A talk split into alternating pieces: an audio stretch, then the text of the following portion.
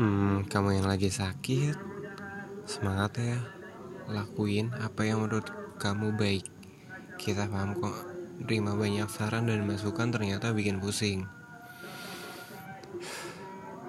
Kamu yang baru sembuh, tetap jalanin treatment yang masih harus kamu jalanin ya. Dan tetap istirahat yang cukup. Kita paham kok, tuntutan kerjaan itu mendesak, tapi kesehatan nomor satu tetap prioritasin diri sendiri. Kamu yang sehat dan lelah sama keadaan ini yang semuanya serba susah. Kita paham kok, semangat tanpa penyemangat itu bikin lemes. Dan kamu harus tetap bersyukur ya. Karena sehat itu rezeki yang paling nikmat.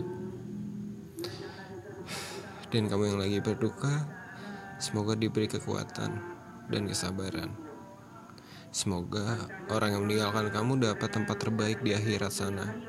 Dan kamu jangan terlalu lama larut dalam kesedihan itu. Semoga kita semua sehat-sehat dan selalu dalam lindungan Tuhan. Amin. Salam kamu untuk kami.